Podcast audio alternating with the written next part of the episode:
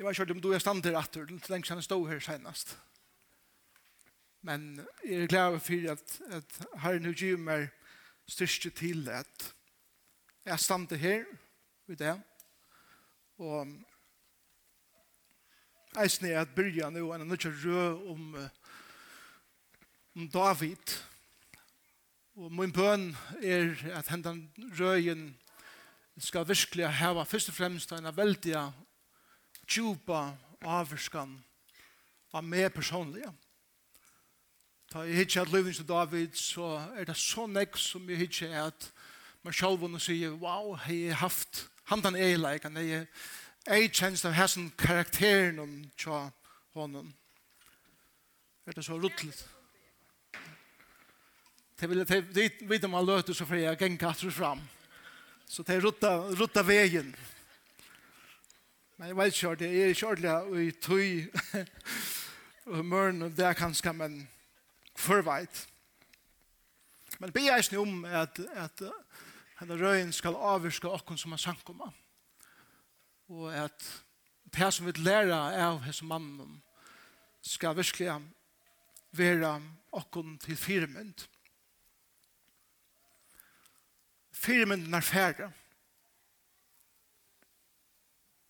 firmyndnar fakka som vi sutja upp til. Og okkur tørvar firmyndir i løyvenon okkur tørvar menn og kvinner ung som eldre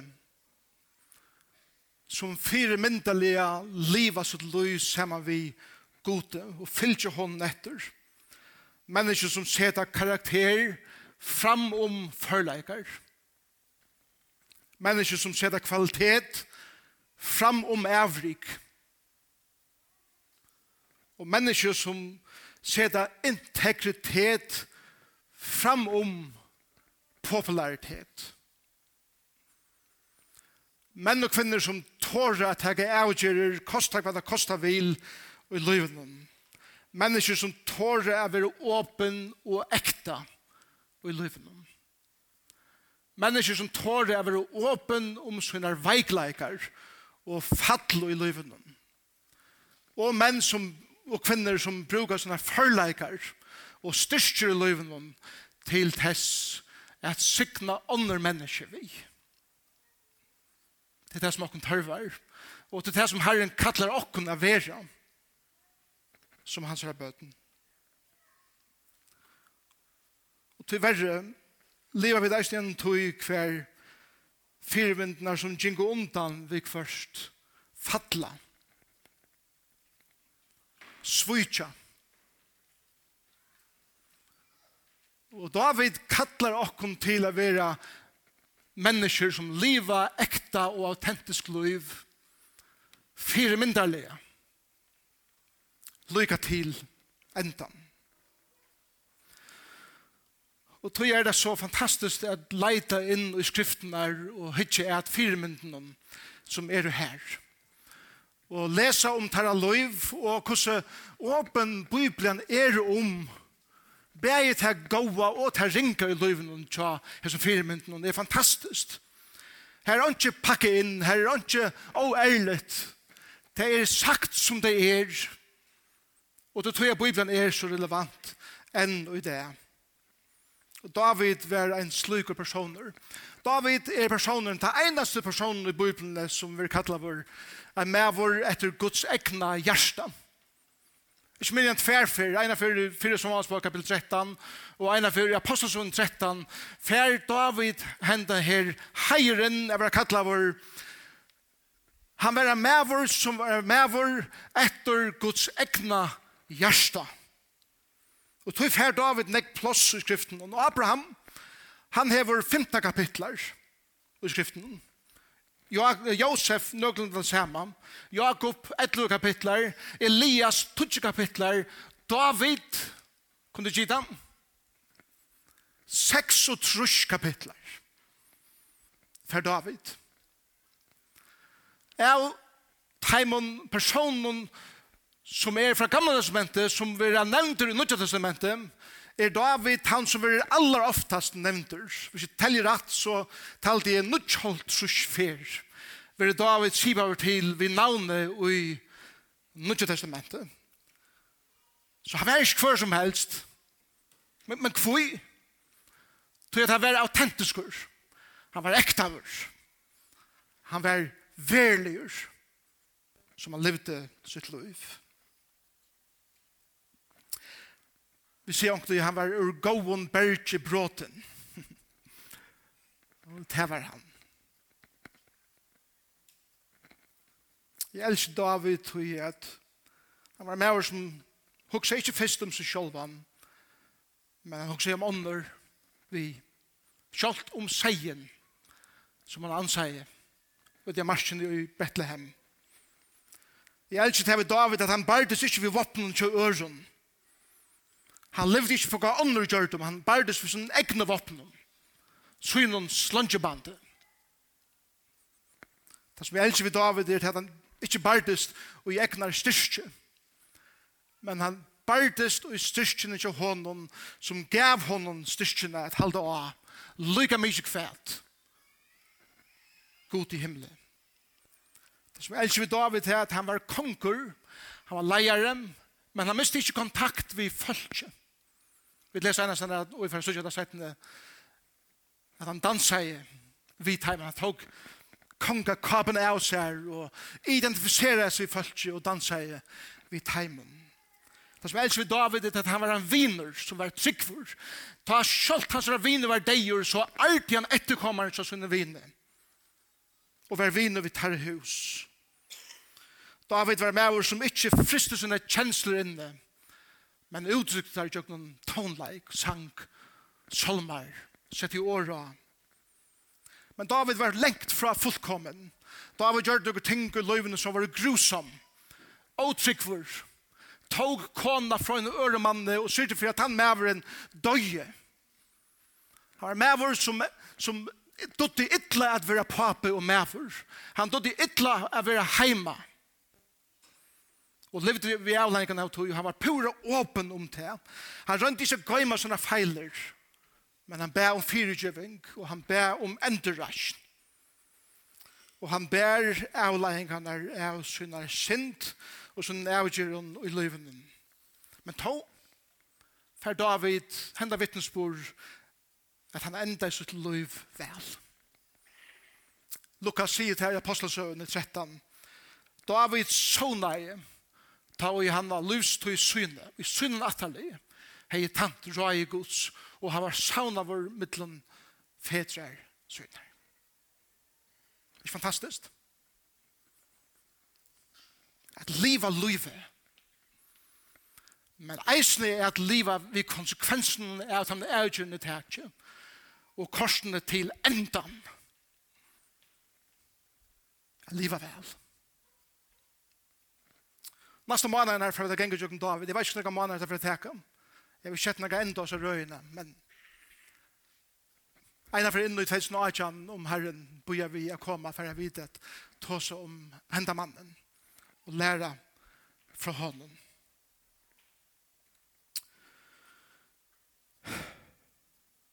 God valde David. Det betyr det kun bare helt stått av søvlig bakgrunn, bare så som vi, vi akkurat som få karmarna om søvnene til David. Du ikke bare kæva inn i nækka, og vi vet ikke hvordan tog en vær. Jeg lyst til det søvnligere bakgrunn. Onker har sagt at, at Israels folk var av en lengre fer borster fra gode. En spiraler som gikk bare nyer og nyer og nyer, langer og langer borster fra gode. Da vi leser om domarbøkene, der, så er det en vittnesbord om hvordan folk ikke bare får langer og langer borster fra, goder som det er halka sitt liv til. Og det kommer til hver det er frustreret. Det kommer til hver det er ikke videre hva det skal gjøre langer. Det kommer til hver det er trøyt av at livet på hendamaten.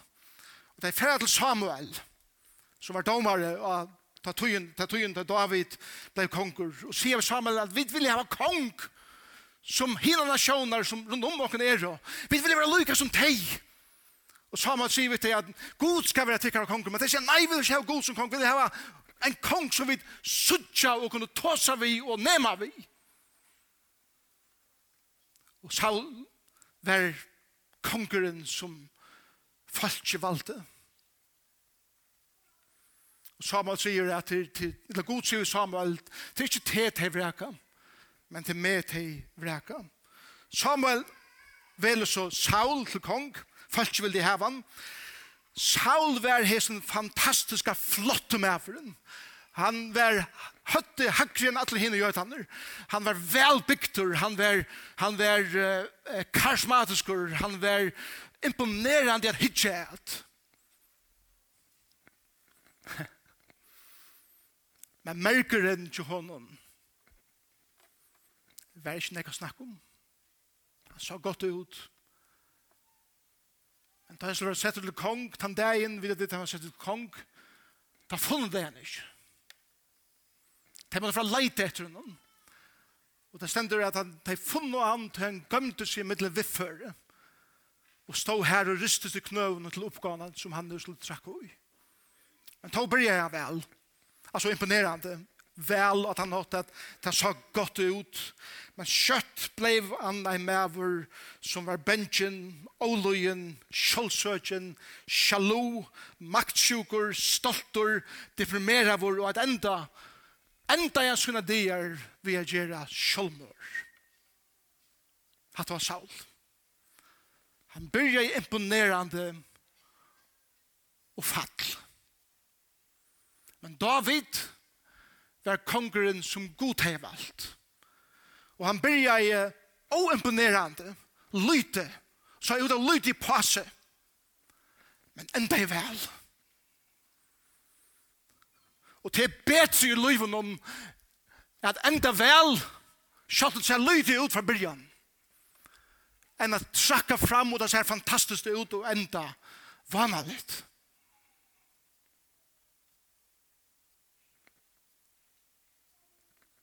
Og Gud sier, fær til hus, og Isai, i Bethlehem. Og her har vi valgt mer, en av synen her, jeg vil ha kong, i og mitt folk. Nasta sunda for å hitja etter hvordan det er fyrir seg, og i det, tog en gonger så kjøtt. I det er jo også mer at, at givet dere et lydig innlid inn og i mergen, som David var bygter av. Hva det var som ei kjent henne mannen. Og hvordan det skal være en oppmuntring og etjan til min først og fremst, men noen ødel. Jeg hittir at merkene som vi er gjørt av, kvaliteten under akkurat beinen, og spyrer jeg vil god bruke meg. Vi lever noen. Det er dock Guds dømekraft er sånn en veldig en person er alt annet enn dømekraften som vi men kan heve. Ta vi velja folk til i mest. God hikker ikke som vit, God veler ikke som vit. David var en person som fasa å byrja vi. Men God valgte han. Og grunnen for å si hatt der, er tog jeg grunnleggjande er to som er her der. To som sitter her der. To kan være en David. Til under broet i Grannaland og Isai, så var David en person som de aller fleste ikke kjente navnet jo. De kjente navnet i hinne bætjen, den eldre bætjen. Men David var en sånn her unge tannvaringren som kvann morgen for å sted seien at han av ut av marsjene og i Bethlehem, og han kom ikke atter for en skuiming. Vi kvars kom han ikke atter for en dimmaletting, tog at han er sidig at han nått ikke seien han, og han er ansa. Etter seien han, tja pappa sønnen. David var ikke noe hetja. David stakk ikke fram ur, jeg byrja vi Vi leser om David, og vi har bare ett vers som sier hvordan David sa ut, David sa såleis ut. Han var reidamtur. Han er i vøker eion. Og han var vekker utkjent. Hadde det som et hevun David. Reidamtur. Anker heldur at han var solbrendur. Men faktisk hedan ega vi at være reihardur a gjerra. Så tid reihardum. Tid er Davids av folk. han var reihardur. Tid er reihardur gjøtar til enn og i det. Han har vøker eio, og at han var vekkurs til nega vi frishala eio a gjerra. Det var nega i hans eio som lustig inn i hans sal, som spekla ut det som han var gjørt av innan ui. Og han var vekker ukjent. Så han, han, han, han var en person som, som, som bær, bær avvoksen av tui at livet ute og hianen. Og han sa seg.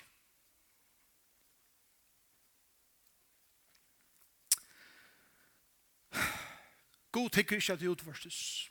Han tycker att hjärtan. Han var en pura vanlig dronker. Men han den vanlige unga dronken sier god, han den skal eva til kong. Men hva var det? Hva var det som gjør det?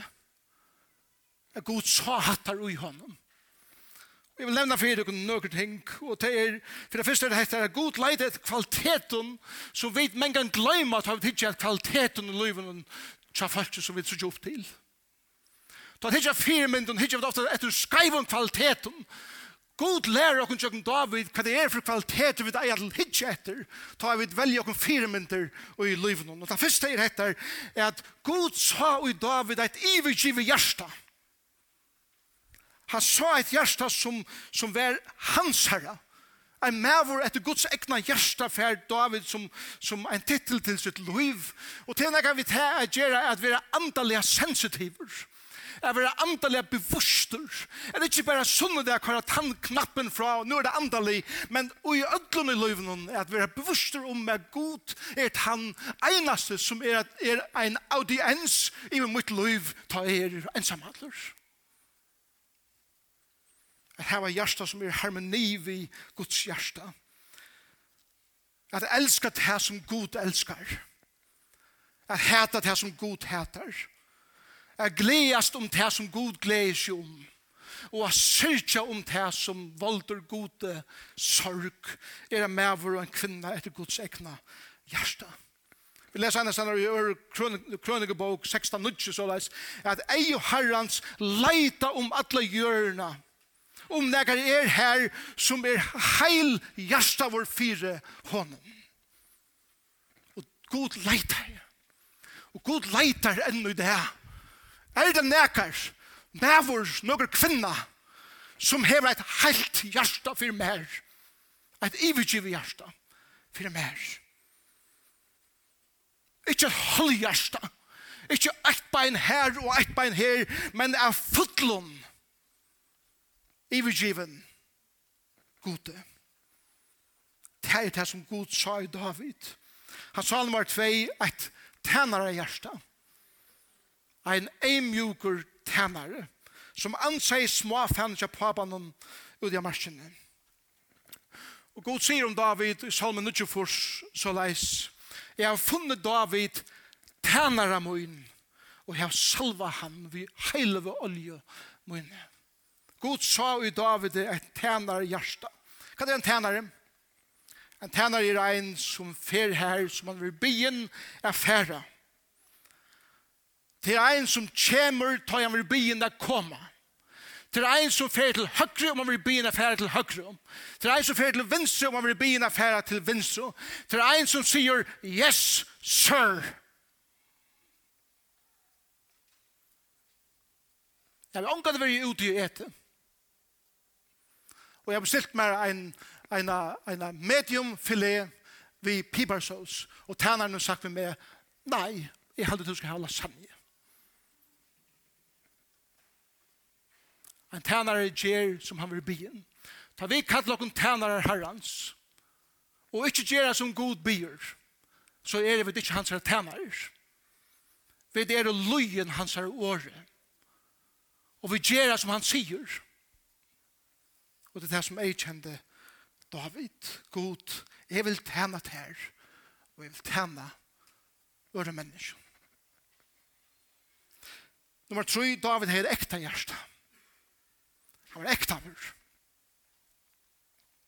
Samer 48 sier så leis, Herren utvalgte seg David tjener sin, og tok han ur seierbyrgjengen, Fra lompen tok han han at røkta Jakob folksutt Israel av arvalutsun og så det heter. Og han røkta i teg vi sønnen hjärsta og lette deg vi kønar i hånd. Hadde året tonim av hebraiskum er at det var satt hjärsta vi integritet er gjerra. A bera nega som er Jeg vil heiler, jeg vil ektavur, jeg vil olastande, jeg vil sannur, jeg vil lyka iverfri ötlun og i ötlun, utan kompromi i løyven. Det var David. Og det er det første som god tykker etter. Hvordan er det hjärsta? Til nummer tvei kommer, og han lette David vi kønar i hånd. Først kommer hjärsta, så gjerne kommer førleikar. Vi venter det som en kan høtte og sier, hva doer han til, hva doer hon til, hvordan vel doer det, hvordan vel gjør det ting, og vi tykker ikke det hjärsta. God sier, jeg hittir først og fremst av, eller at hjertanon, hvordan et menneske er, hva det brenner for, hvordan det brenner for gode. Og så søgjane er at leia vi kønner i hånd. Det betyr ikke at be av godt hjärsta, så ikke doa, men det betyr at heva godt hjärsta og at doa. At leia Guds folk. Det er leita god etter. Og god fyra jeg er henne mannen, og jeg skal røyne jeg gjøre kjette av, veit at togene for herren.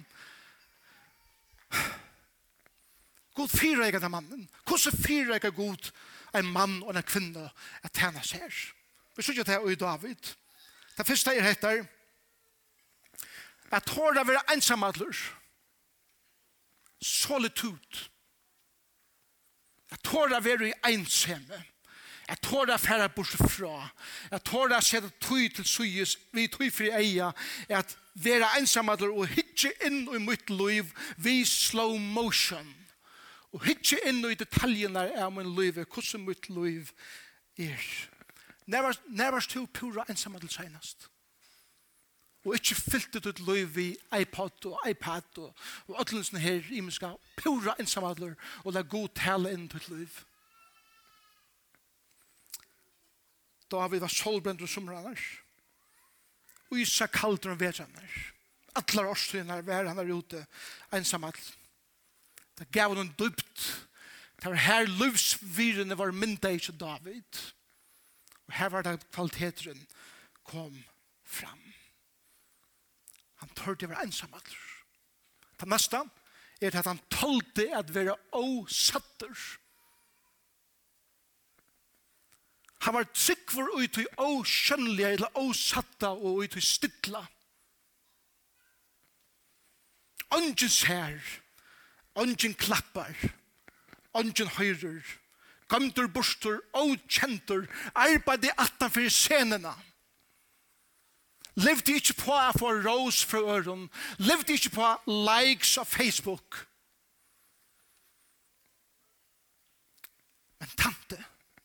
Lyga mykje om nega sa et litt, han visste at audienseren til honom var ein, og det var god, og henne vil til ham, til ham.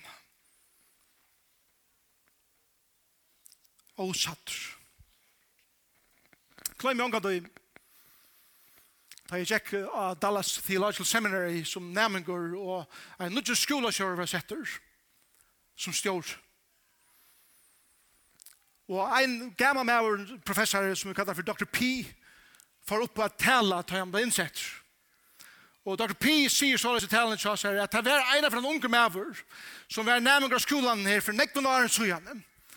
Og åren skolen byrja kom hesen nærmere eina vik i åren av skolan er sikker for at haven var pent ruttavur og gjør det stand til at skolen byrja Og ta i så skolen var liver av året etter vær hest nærmere eile heila vik og etter for at gjera havan, plantenar, blomstrende vøker til det heita sommer som nu står for framman. Ongen sa han, ongen visste hva han gjør det, ongen visste om han. Men nu det er hese maveren presidenter av Dallas Theological Seminary. Han vender seg mot Svindal og han börjar klappa for henne. Og vi drast okken öll upp a klappa fyrir mannen som byrja i vi at arbeida ósattur og tåla det. Det er karakterer. Så gjerne at tåla endurtøkker monotont. Vi er det at 50% av livene er bare møte opp. Det er bare ved til stier Om du har tænas i løftene, som møter du opp til det. Om du har tænas for dine bøttene, som møter du opp til det. At du møter til arbeids, og du gjørst til tingene som vi har sett dere fire i løyvene. 50% av løyvene er det. Atter og atter å gjøre. Medpakker. Eller skifte blæver. Eller koka havra greit. Kventan evig enes ein morgon. Eller gjalda rokningar et eller ukka, et eller et sommerutine til arbeids atter og atter, at lusta og at elska kone sinne, mann sinne, bøtt sinne, sine ervarande atter og atter, der inn og der ut, viko inn og viko ut, og her ut og her inn. Atla tøyene, at tema, og endur teka, lyga mykje kvæt. Og så gjerne til seinast, at tåra være realistiskur, i livet. David var realistisk og eisende. Jeg har til lyst til frem nå, for David bare som hadde gå litt, komme fram for Saul, og Saul sier vi igjen, to, bare jeg som måtte så risa Du er unger, jeg som er never rønter alt sitt liv. Og da sier David så for Saul, Tænar tun hefur røkta små færsins til einsemme, til å være osatter, til å gjøre det atter og atter. Men kom ta leiva etla bjøtten, for og for vi eina kreaturen av fylkene, så leip er etter henne. Det er realisme. Ta det sørst ting i egene som er veldig i løyven, veldig avbjøringer, veldig allopp, veldig ting i løyven som reker det. Ta stendet opp, og du reiser det opp, og to bergest, og to misser ikke måte, og to bergest, og selv om du er nye slien, vil du ikke ut slien. Og du helder å er bergest, og i realiteten er at liv er harsht, liv er kynest men kan, men vi helder å at liva. Hver er det tøyner bjødden søver, hver er det tøyner tøyne leivesøver, og løyven om tatt hyggelig at tøyner løyve, mens det er, Andra liv er ikke bare at flåt og en ljøsere i bubble som er god i ene stender. Det er her og nå og i realiteten av livet om. Det er her vi vil testa i av hvordan materialet er som vi er bygd av. Og David viser oss hvor vi er nere. Ellers lyst til søvnene om tvær bulldog. Jeg var ikke nærmere eidig, men jeg var bulldog. bulldog her, men det var tvær bulldog som, som får inn i en hava. For under, det var sånn, her som rekkver ikke vær, han slapp under her bare inn i havan, og inn i havan var det tvær, nei, omkyld, det var en bulldog, og inn i havan var det tvær sjefarer. Og bulldogren kommer inn i havan, og sjefaren tar litt jo av han, og tar smyrjan av, og tar bytan, og tar kloran, og bulldogren han fer ut at under, under rekverset, og, og, og, og klarer akkurat vi løyven hun ut at. Og sjefaren gjør det. Det er en etter som kommer bulldoggen inn at. Og han verer halva over av henne, fremsett. Han verer skratt og sunt, og han kommer akkurat av løyven ut undan at rekversen hun. Tria dagen. Halva var av. Fjora dagen skrattar sundur. Finta dagen byrja sjefar nere bakka spekliga. Satta dagen bakka dagen langkur. Kjenta dagen litja sjefar nere nere og hitja bulldøysen. Kvoi tog at han bleiv vi. Og om løyve skreie det sundur. Og om løyve er taff. Etla tjuna bandi taff eller familjen er tøff, eller hva det så er, så halda vid å. Og vi djevas ikke. Til Jakob sier at Satan skal flutja undan her om to helter og tryggfor. Og til halda vi da. Som sankumma, som familier, som einsaklingar. Et ivergiv hjärsta. Et tænade hjärsta. Et ekta hjärsta. Jeg tåla å være solitude. Jeg tåla å være ensamhatter. Jeg tåla å være åsatter. Endur tega atter og atter. Og så gjerne av være realistisk og i livet nu. Det var David. Som jeg enda vi hesen. Bare tro helt sjå ting. Det er ut i lytla og ut i ensamma. Jeg vil gjøre klar til å være brukt til det store. Nummer 2. Det som vel vil gjørst teker tog. Det som vel vil gjørst teker tog. Det er god mynda i David alt hans er liv. Et eget tre teker Et eget tre teker trus år at standa. Et hundaland, seks timer. Hva vil du være? Jeg vil være et eget tre som teker tøyene.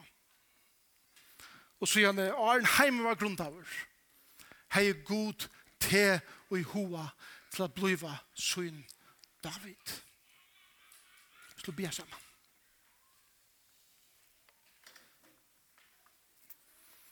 Jesus, takk for det. David som vær en maver etter den egna hjärsta. Hoast nekv i livet som var så lengt ute, så kom han alltid atter her til at han har hjertet fyrt her. Og jeg blir meg til å hjelpe mer først og fremst. Jeg tår jeg kan etter hva for merke er i bygder av. Ur hver jo merke er i bråten. Og se det var fire at livet så nært her, at du kan skjere meg til en David. Og måtte ta være bønnen til åkken øtlen som er i her det. Og måtte ta ei kjent disse samkommene. Og i Jesus navn. Amen.